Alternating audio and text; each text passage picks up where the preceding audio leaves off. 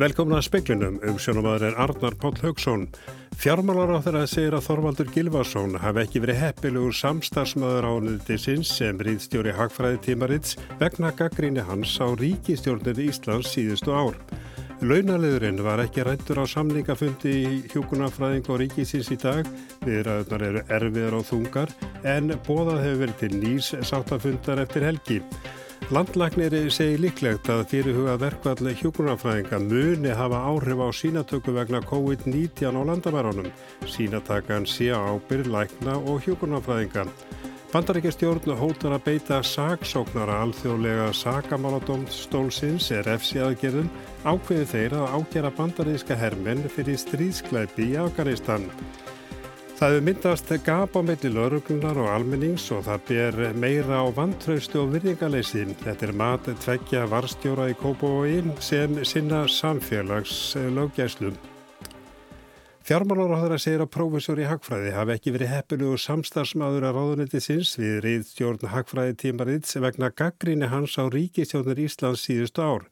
Ráður að neytar því þó að með því sé brotið á akademísku frelsi fræðimanna. Bjarni Benediktsson, fjármála og efnagsráþara, segir að ákvarðinu ráðuneti síns um að leggjast gegn hugmyndum annara norrætnaríkja um að Þorvaldur Gilvason yrði rittstjóri Hagfræðtímarits hafi ekkert með akademís frelsi að gera. Tímariti sé gefið út í samstarfi norrænu fjármálaráðunetana. Ég tel að hann sé ekki heppilegur samstarfsaðali fyrir okkur. Ég held að uh, með hans uh, digru yfirlýsingum á undarförnum árum hafi hann mjög vel sínt það í verki að hann hefur korki stutt ríkistjórnir sem að hér hafa sett hann harkalega mótmælt þeim. Bjarni segir að ráðuneytið hafi vilja leggja til konu eða yngra fólk í starfið. Fleiri valkostir væri stöðinni en Þorvaldur. Eh, hver segir að hans pólitísku skoðanir skipti öllu máli? Ég er bara að segja að ég hef enga skildu til þess að tilnefna Þorvald nýja að fallast á tillögu um Þorvald Yfirlýsing fjármála og efnagsráðuneytisins í fyrra dag um ferlið við ráðningu reitstjóra og færsla ráður í dag á Facebook síðu hans far ekki saman. Í yfirlýsingu ráðuneytisins sagði að stýrinemt hefði tekið ákverðun og að sjónar miður ráðuneytisins hefði ekki verið borin undir ráðherra eða aðra á skrifstofu yfirstjórnar. Bjarni sagði á Facebook í dag að hann hefði sagt þegar Þorvaldur var nefndur að það kæm ekki til greina. Ég held að þarna séu að menna ruggla saman tveimur ólíkum hlutum. Ég hafði ekki aðkoma að því að þessi tiltekni tölvupóstu var sendur út. Hann hafi hins vegar lagst gegn ráðningu Þorvaldar eftir að hann frétta því að hinn ríkin legðu sig gegn tilum íslenska fjármála ráðnýtisins. Finnst þér alveg eðlilegt að láta að bytna á manni að hann hafi skoðanir sem samræmist ekki þínum? Herðu fyrirgeðu sko, hér erum að ræða rítstjórn. Það er engar hefniskröfur gerðar. Eh, Þorvaldur Gilvarsson hefur sitt akademiska frelsi algjörlega ósnert. Hann hefur hins vegar engan sjálfstæðan rétt að því að vera tilnendur minnfulltrúi inn í uh, rítstjórn þessa tímarits þó að hann sé profesor og vel hæfur til þess að skrifa fræðigreinar. Saði Bjarni Benriðsson í vitalefi Sigriði Dögg Auðurstóttur, Brynjólfur Þór Guðmursson tók pistilið saman.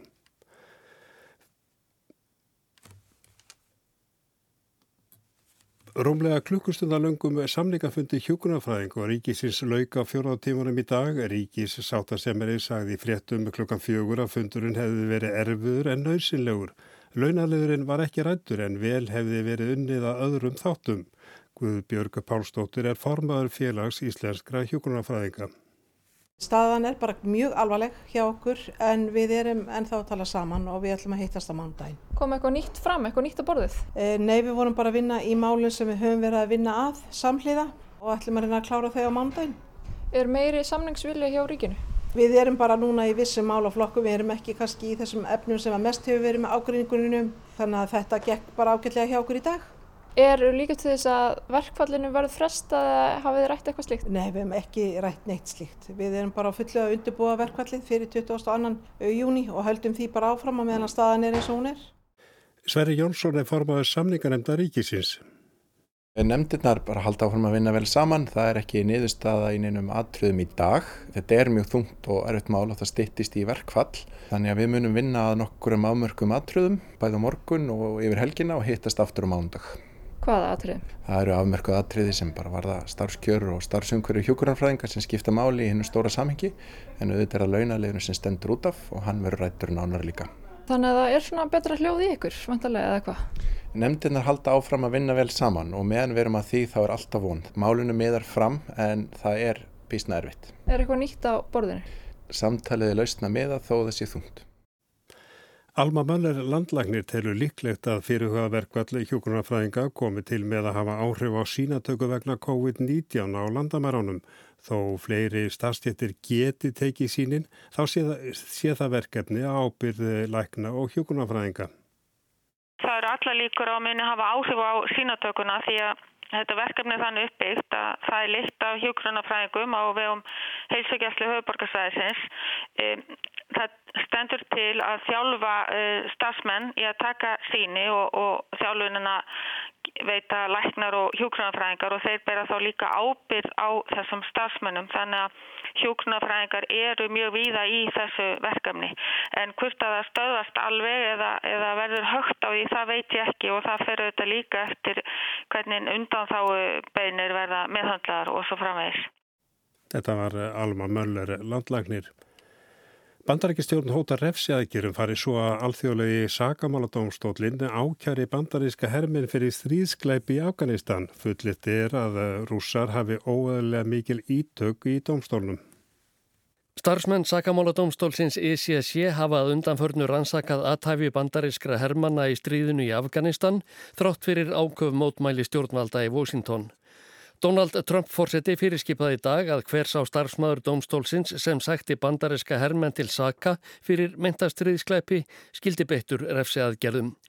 Blaðafulltrúi fórseta ennbættisins sagði að aðgerðir dómstólsins væru árás á réttindi bandariskra ríkisborgara og fullveldi bandaríkjana. Þá sagði hann vísbendingar um óstjórn og spillingu innan dómstólsins. Dómsmálar á þeirra bandaríkjana bætti um betur í yfirlýsingu til fjölmiðla. Þar sakaði hann rúsa um og fleiri þjóðir um að ráðskast með alþjóða sakamála dómstólinn. Stjórnvaldi í Washington eru þegar farin að beita starfsmenn domstólsins þrýstingi vegabrefs áritun Fatu Bensuota yfir saksóknara til bandaríkjana hefur verið numin úr gildi. Bandaríkjastjórn hefur aldrei viðurkent domsvald réttarins. George Bush fyrirverandi fórseti hvatti þjóðir heims á sínum tíma til að sniðganga hann. Áskir Tómasson saði frá. Áallega er að hlutdeildarlánu félags og barnamálar á þeirra kosti ríkisjóð fjóra miljardar króna á ári næstu tíu árin. Fjárhæðin kemur tilbaka í ríkisjóð þegar láni verða greitt. ASI gerir aðdóðsend við að vextir leggist að lánin ef tekjur lántakenda hækka á lánstímanum og að gerð sé krafum að lántakendur noti sérregnarspartna sinn.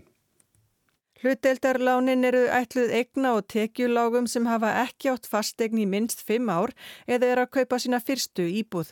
Kaupandi leggur að lámarki til 5% eigið fjö, fær 75% af kaupverði að láni hjá lánastofnun og 20% sem eftir standa að láni frá ríkinu.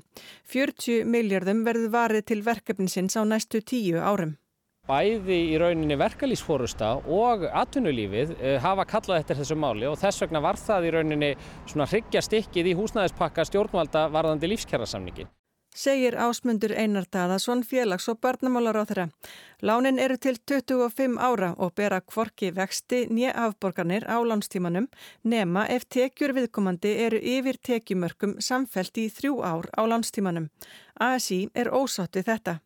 Ef að hagur fólksins uh, vankast og, og tekjur aukast yfir eitthvað tíma að þá kemur þetta strax í bakið á fólki sem að þá þarf að greiða ennþá meira af, af þeim lánum sem er verið að bjóða upp á. Segir Kristján Þórður Snæbjarnason var að fórseti ASI. Þá tilur ASI óásvartanlegt að setja sem skilirði fyrir lánveitingu að ráðstafa séregnaspartnaði til lækkunar á höðustól. Við höfum mjög miklar áhugir af því líka að, að greiðslubyrði af þessum húsnæðislánum það er lagt upp með það að það getur orðið alltaf 40% af rástöðuna tekjum e, þeirra sem komast inn í þetta úræði en við teljum að 25% séu þau mörg sem að eigi að miða við. Segir Kristján Þórður Snæbjarnarsson Alma Ómarsdóttir talaði við hann.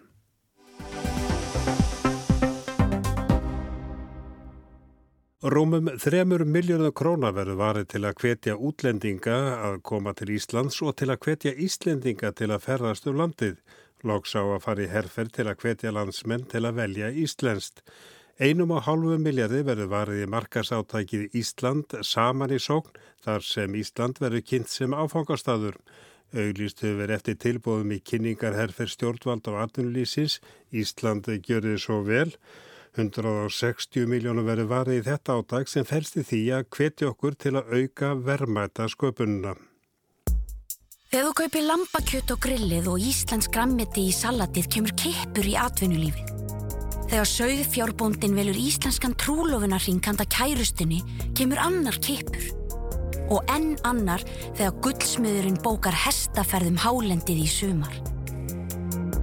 Allt í einu er allt komið af stað á ný. Atvinnulífið er líf okkar allra. Íslenskt, gjör þið svo vel.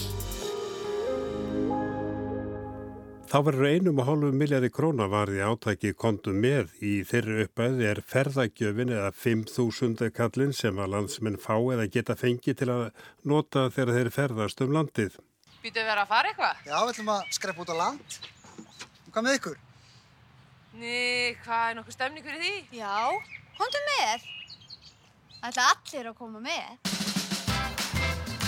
Ég kem með gítarinn. Ég kem með á grillið. Ég kem með stöngina. Ég kem með gunguskóna. Ég kem með boltan. Ég kem með sundfettin. Ég kem með natt. Ég kem með alla fjölskylduna. Ég kem með hundaborða. Ég líka. Ég kem með góða sögu. Ég kem með strömmur. Ég kem með setti. Ég kem með mitt. Ég kem með lómpæsuna.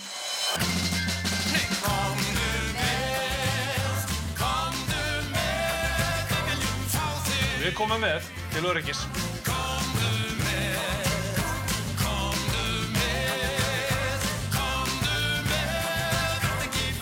Komdu með í ferðalag um landið okkar í sumar. Ísland. Komdu með. Ég kem með hann. Sigurður Hannesson, framkvæmtastjóri samtaka einaðarins, segist hafa fulla trú á að þessar herrferðir eigi eftir að bera árangur. Þetta er reyndar ekki fyrsta sinn sem Íslendingar eru til dæmis kvartir til að velja Íslenskt. Ef við lítum ár og ára tíu aftur í tíman að þá hafa svona markasherrferðir verið haldnar með reglulegu millibili til þess að minna fólk á hvað fer af stað, þessi keðjuverku sem fer af stað þegar við skiptum hvert við annað við innlend fyrirtæki og í fyrir tilvikum hefur árangur verið mældur og hann hefur verið jákvæður. En þið eruð að mæla til þess að fólk velji íslenskt til að hrindast að þá þessari ringgrás. Hvers vegna er það mikilvægt núna? Sko við erum að hvetja landsmenn alla, hvort sem það er almenningur eða fyrirtæki, til þess að skipta við innlend fyrirtæki. Þannig að hvort sem það er innlend verslun, innlend matvæli, húsgögn, lausnir, ferðast innanlands og svo framvegis. Til þess að þá að huga að því hvað gerist þegar við tökum þá ákvörðun. Vegna þess að þar með erum við að verja störfin í landinu. Við erum að skapa verðmæti og koma þá hringrásun af stað sem að þarf svo sannlega að gera núna á þessum krefjandi tímum. Þannig að við teljum fulla ástæðu til þess að að svona bara vekja landsmenn til umvöksunar um þessi mál. Og svo þetta tekur hver og einn sínar ákvarðanir, sínar upplýstu ákvarðanir sem að henda hverjum og einum. En er þetta að tala um að, að með, með svona herrferð þarf að sé að velja íslenskt að það sé verið að bóða í hálfgerða einágruna stefnu og hveti ég með fólk til að kaupa dýrari vörur en ella? Nei, svo sannlega ekki. Þarna er bara fyrst og fremst um það að ræða að vekja aðtikli á þeirri starfsemi sem er hér á landi uh, í ólíkum greinum, hvort sem það er verslunin og þjónustan sem er í bóði hér, ferðarþjónustan og möguleikar á því að, að ferðast innanlands, svo framleiðsla sem að hér fer fram uh, og svo framvegist. Þannig að hér er bara fyrst og fremst verið að vekja aðtikli á þessu, uh, vekja aðtikli á því hvað gerist þegar við skiptum hvert við annað. En eins og ég segi, svo bara taka allir sínar ákvarðanir fyrir sig. Og við þetta, erum ekki að mæla fyrir einhverju einangrunarstefnu eða neitt í þá veru en það vitum við öll að, að við Íslendingar höfum hagnast á alþjóðleiri samvinnu og alþjóðlegum viðskiptum. Gjör svo vel, Ísland gjör svo vel að eh, var reynda hlift á Stokkonum 2018 eh, Er þetta bara framhaldaði að því verkefni eða verður þetta með einhverju nýjum eh, blæ? Þetta verkefni sem að hér umræðir verður með nýjum blæ og öðrum en hins vegar byggir það að einhver leiti á þeim grunni sem að var reistur með verkefninu Íslenskt gjöru svo vel sem að réttilega, eins og segir réttilega fór á stað 2018 Það var samstagsverkefni samtaka yðnaðarins, vestlunarinnar, bændasamtakana og samtaka atvinnlífsins. Þannig að það eru margir af þeim aðlunum sem að koma þess nýja verkefnu stóðu að Íslands gjörðu svo vel. En verkefni núna eru rauninni miklu viðtakara, það eru fleiri sem koma að því, fleiri, bæði fleiri samtök í atvinnlífi en líka stjórnvöld. Þannig að það er verið að hugsa þetta á þá svolítið öðrum grunni en áður. Eh, þó að við gerum ráð fyrir því að ákveðni hlutar af fyrirherrferðinni verði nýttir. Það er til dæmis margi framleiðendur sem að hafa notað myndmerki íslenskjöru svo vel um, til þess að merkja umbúður og sínar vörur. Þannig að við gerum ráð fyrir því og við viljum gera þeim kleift að halda því áfram. Núna nýlega þá auglisti ríkiskaup útbóð á þessari þjónustu. Við höfum fundið fyrir miklum áhuga hjá auðlýsingarstofum undarfarna vikur á þessu verkefni en það er það, mér er sagt að þetta sé mjög stórt verkefni á íslenska mælikvarða en fjármagnir sem er til, til úr að, að spila er um 160 miljónir króna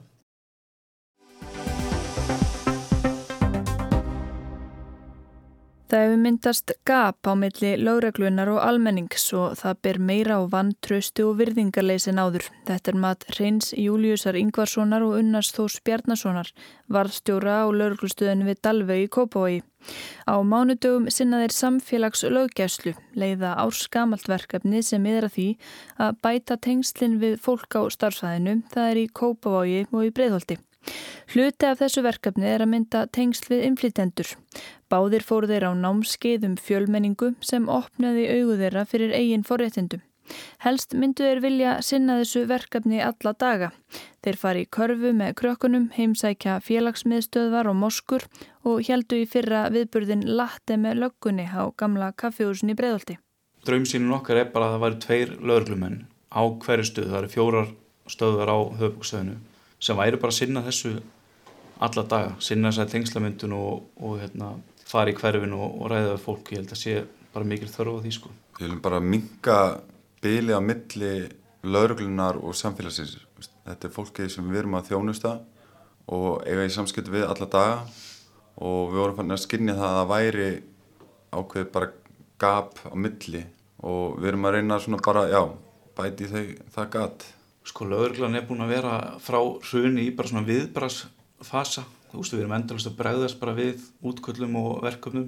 Og svona okkar tilfinninga er bara að við höfum ekki gett að gefa okkur tíma til að e, hlúa að bara þessu mannlega. Þú veist tala við fólk á vettvangi svona gefa okkur tíma til að, að ræða við fólkum hinn og þessi vandamál. En eldur eru við bara bregðast við og erum bara farnir. Þannig að við ætlum að reyna að snúa þessari tróun aðeins við. Þau taliði um gap, hvernig, hvernig lýsir það sér?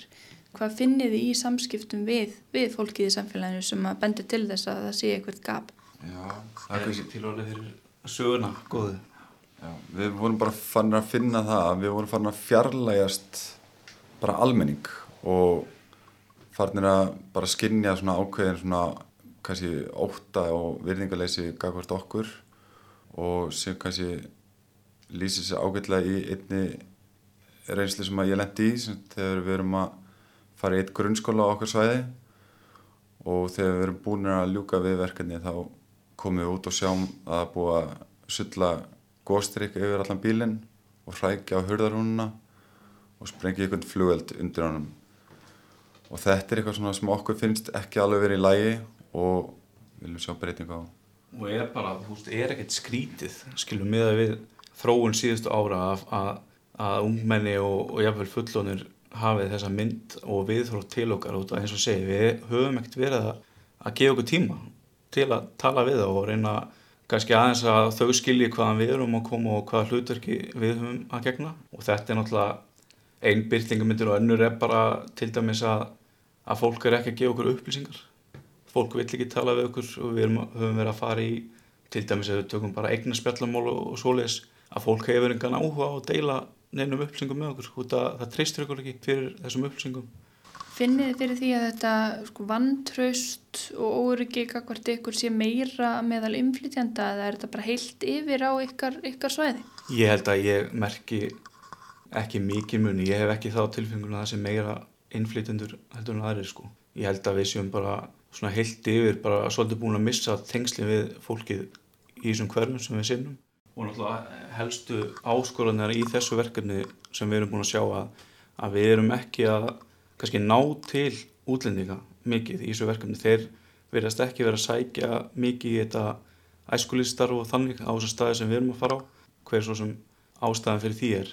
En þá brúðum við þá að það ráða að fara bara í beint í skólan, bara í hátteginu og unnar fór upp í fellaskóla bara í hátteginu og spjallaði við nokkru þar sko.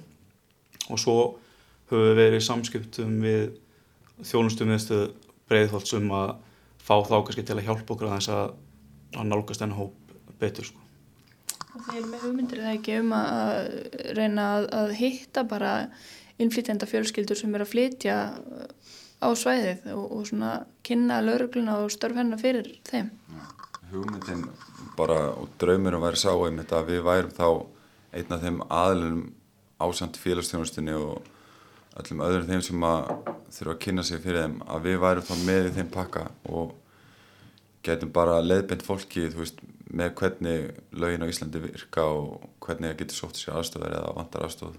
Út af þessi hópa náttúrulega hafa bara mísefna sín á lögurgluna frá sínu landi og hafa ekki kannski hugmyndum hvað, hvað við erum að gera og við finnum það alveg dagstaglega hjá erlendum aðlum að sömur eru reynilega skítrættið okkur sko. Við þurfum að gera betur þar. Unnar bendir á að stundum undrist innflytendur sem lögraglan hefur afskipti af að hún skul ekki sína þeim hörku. Í ljósi umræðinar nýlega þá hérna, höfum við nefnilega fengið þau viðbröð oft frá fólki, til dæmis frá Östur-Evrópu sem að bara undrast á hvað lögraglan á Íslandi er þægileg viðmóti og, hérna, og bara almennileg og þeir bara undrast það akkur það er ekki verið að berja þá við handtöku bústælega og það í heimalandinu sínu þá er þeir alltaf barðir og þeir eru að þakka okkur fyrir það og svona hlæja aði með okkur. Í Breiðholti er um þriðjungur íbúa verlendum uppuruna.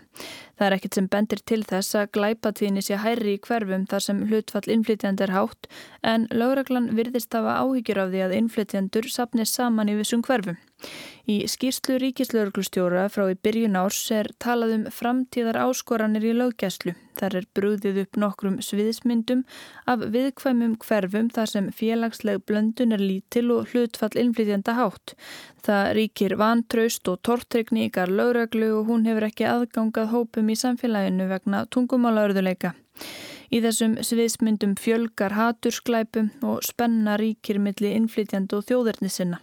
Mínu upplifun er það svo að, að hérna, það er engin fjölgun á afbrótu með uh, fjölgun útlendinga en það er, það er náttúrulega það sem við erum að sjá að það er gríðarlega fjöldi annara tilkynninga um alls konar vandamál sem fylgir bara þessu félagslega sem tengist skilur ekki þessum hóp endilega heldur bara að þeirra náttúrulega fólk af hérna, ólíkum þjóðbrótum koma saman þá náttúrulega eru oft áreistrar ég held að það er ekki að tala undir rós með það.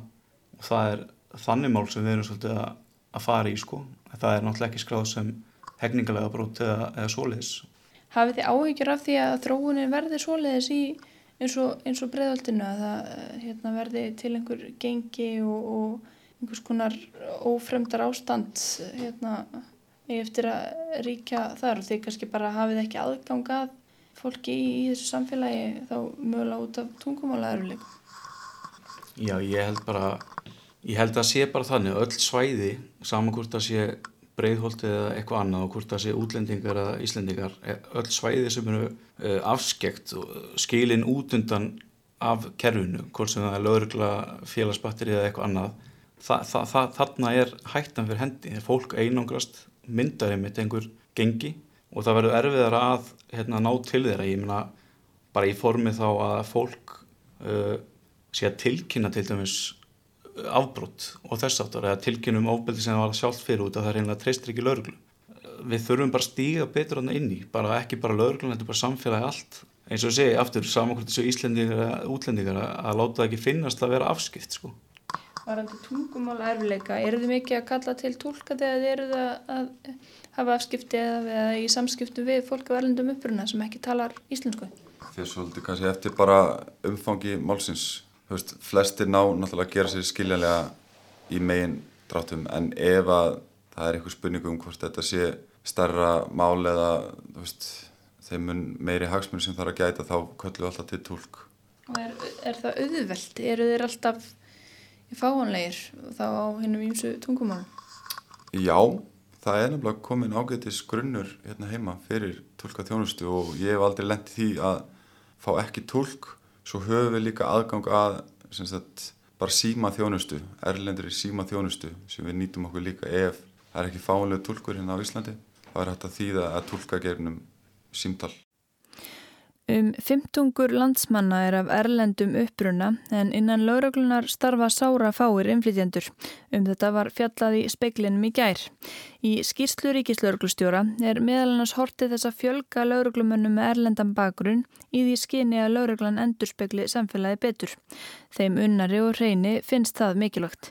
Það bara skiptir svo miklu máli í öllum afgriðslum á málum. Ég meina þú þart að svolítið að endur speiklaði viðkomandi, reyna að skilja hvaðan hann er að koma til að leysa vandamálinn farsalega og það kannski getur verið svolítið erfitt þegar þú talar ekki tungumáli eða skilur lítur ekki svipað út og alls konar skilur, þetta er bara svona mannlegt mannlegu hlutur, þannig að það er mjög mikilvægt. En þetta hangir alveg saman þú veist með það sem ég var að segja á þann sko að, við þurfum að, að ekki láta þetta fólk líða eins og að sé einhvers annars flokk sko og, og erum ekki mikið í samskiptum við það, af hverju ætti þá fólk af erlendum hérna, uppruna að vilja við lögurlunni. Ég meina, en vonandi með þetta sem við erum að gera, að efleita samtal og fara í körfu og eitthvað svona annars leiði, skilur að gera þetta svona mannlegt að, að fólk sjá þetta þá sem álitlegan kosti að koma. Ekki hafi verið gerðar rannsóknir á hvort kynþáttafordómar þrýfist innan lauruglunar hér. Lauruglunemar sækja nú skildun ám skeiðum fjölmenningu, hatursklæpi og samskipti við ólíka samfélagshópa en þegar þeir unnar og hreitn voru í náminu var engin slíkur kurs í bóði. Rúm 10% starfandi lauruglumanna hafa setið símentunar námskeið um þetta. Þetta læris bara svolítið svona as we go eins og maður segir sko. En við náttúrulega erum að reyna að bæta okkur þar eins og segir við sóttum námskeið hjá eirunu. Já. Og það var mjög gaglegt og þá raunum við ekki bara áherslu á innflytjendur eða hérna, nýbú á Íslandi, var bara farið við samkynnið á hins sem fólk og bara fengum bara mjög virkilega góða fræslu þar. Þetta sem er búið að vera gangið út í bandaríkunum, uh, það held ég ekki verið gerðan eina rannsóknir á kynþáttafordómum eða fordómum almennt innan lögurglunar. Haldið því að þetta er svona frekar einsleitur hópur, hafið áhyggjur af því að, að að séu græstarandi fordómar eða einhver svona kannski þröng síni?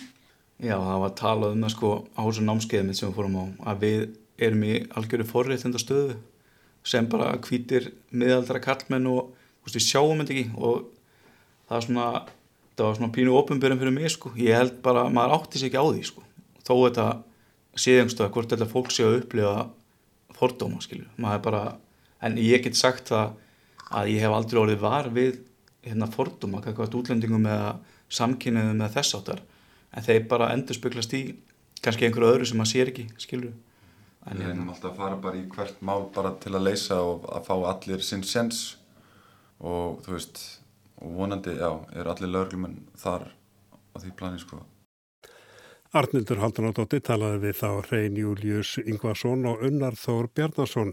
En við segjum frá því hér að tæplega 20 steg hitamunur hefur verið á Hallóstað fyrir austan þar sem aðverð degi lægst fór hitin í rúm 4 stegum klukkan 3 í nótt en hiti hefur farið í 23,3 steg í dag en það gengur í sunnan á suðvestan 15-13 á morgun og fyrir að regna á vestanverðu landinu en áfram bjarta mestu austanlands hiti 7-15 steg en viða 15-20 steg á fyrir norðan og austan. Tæknumari kvöld var Mark Eldred, verðið sæl.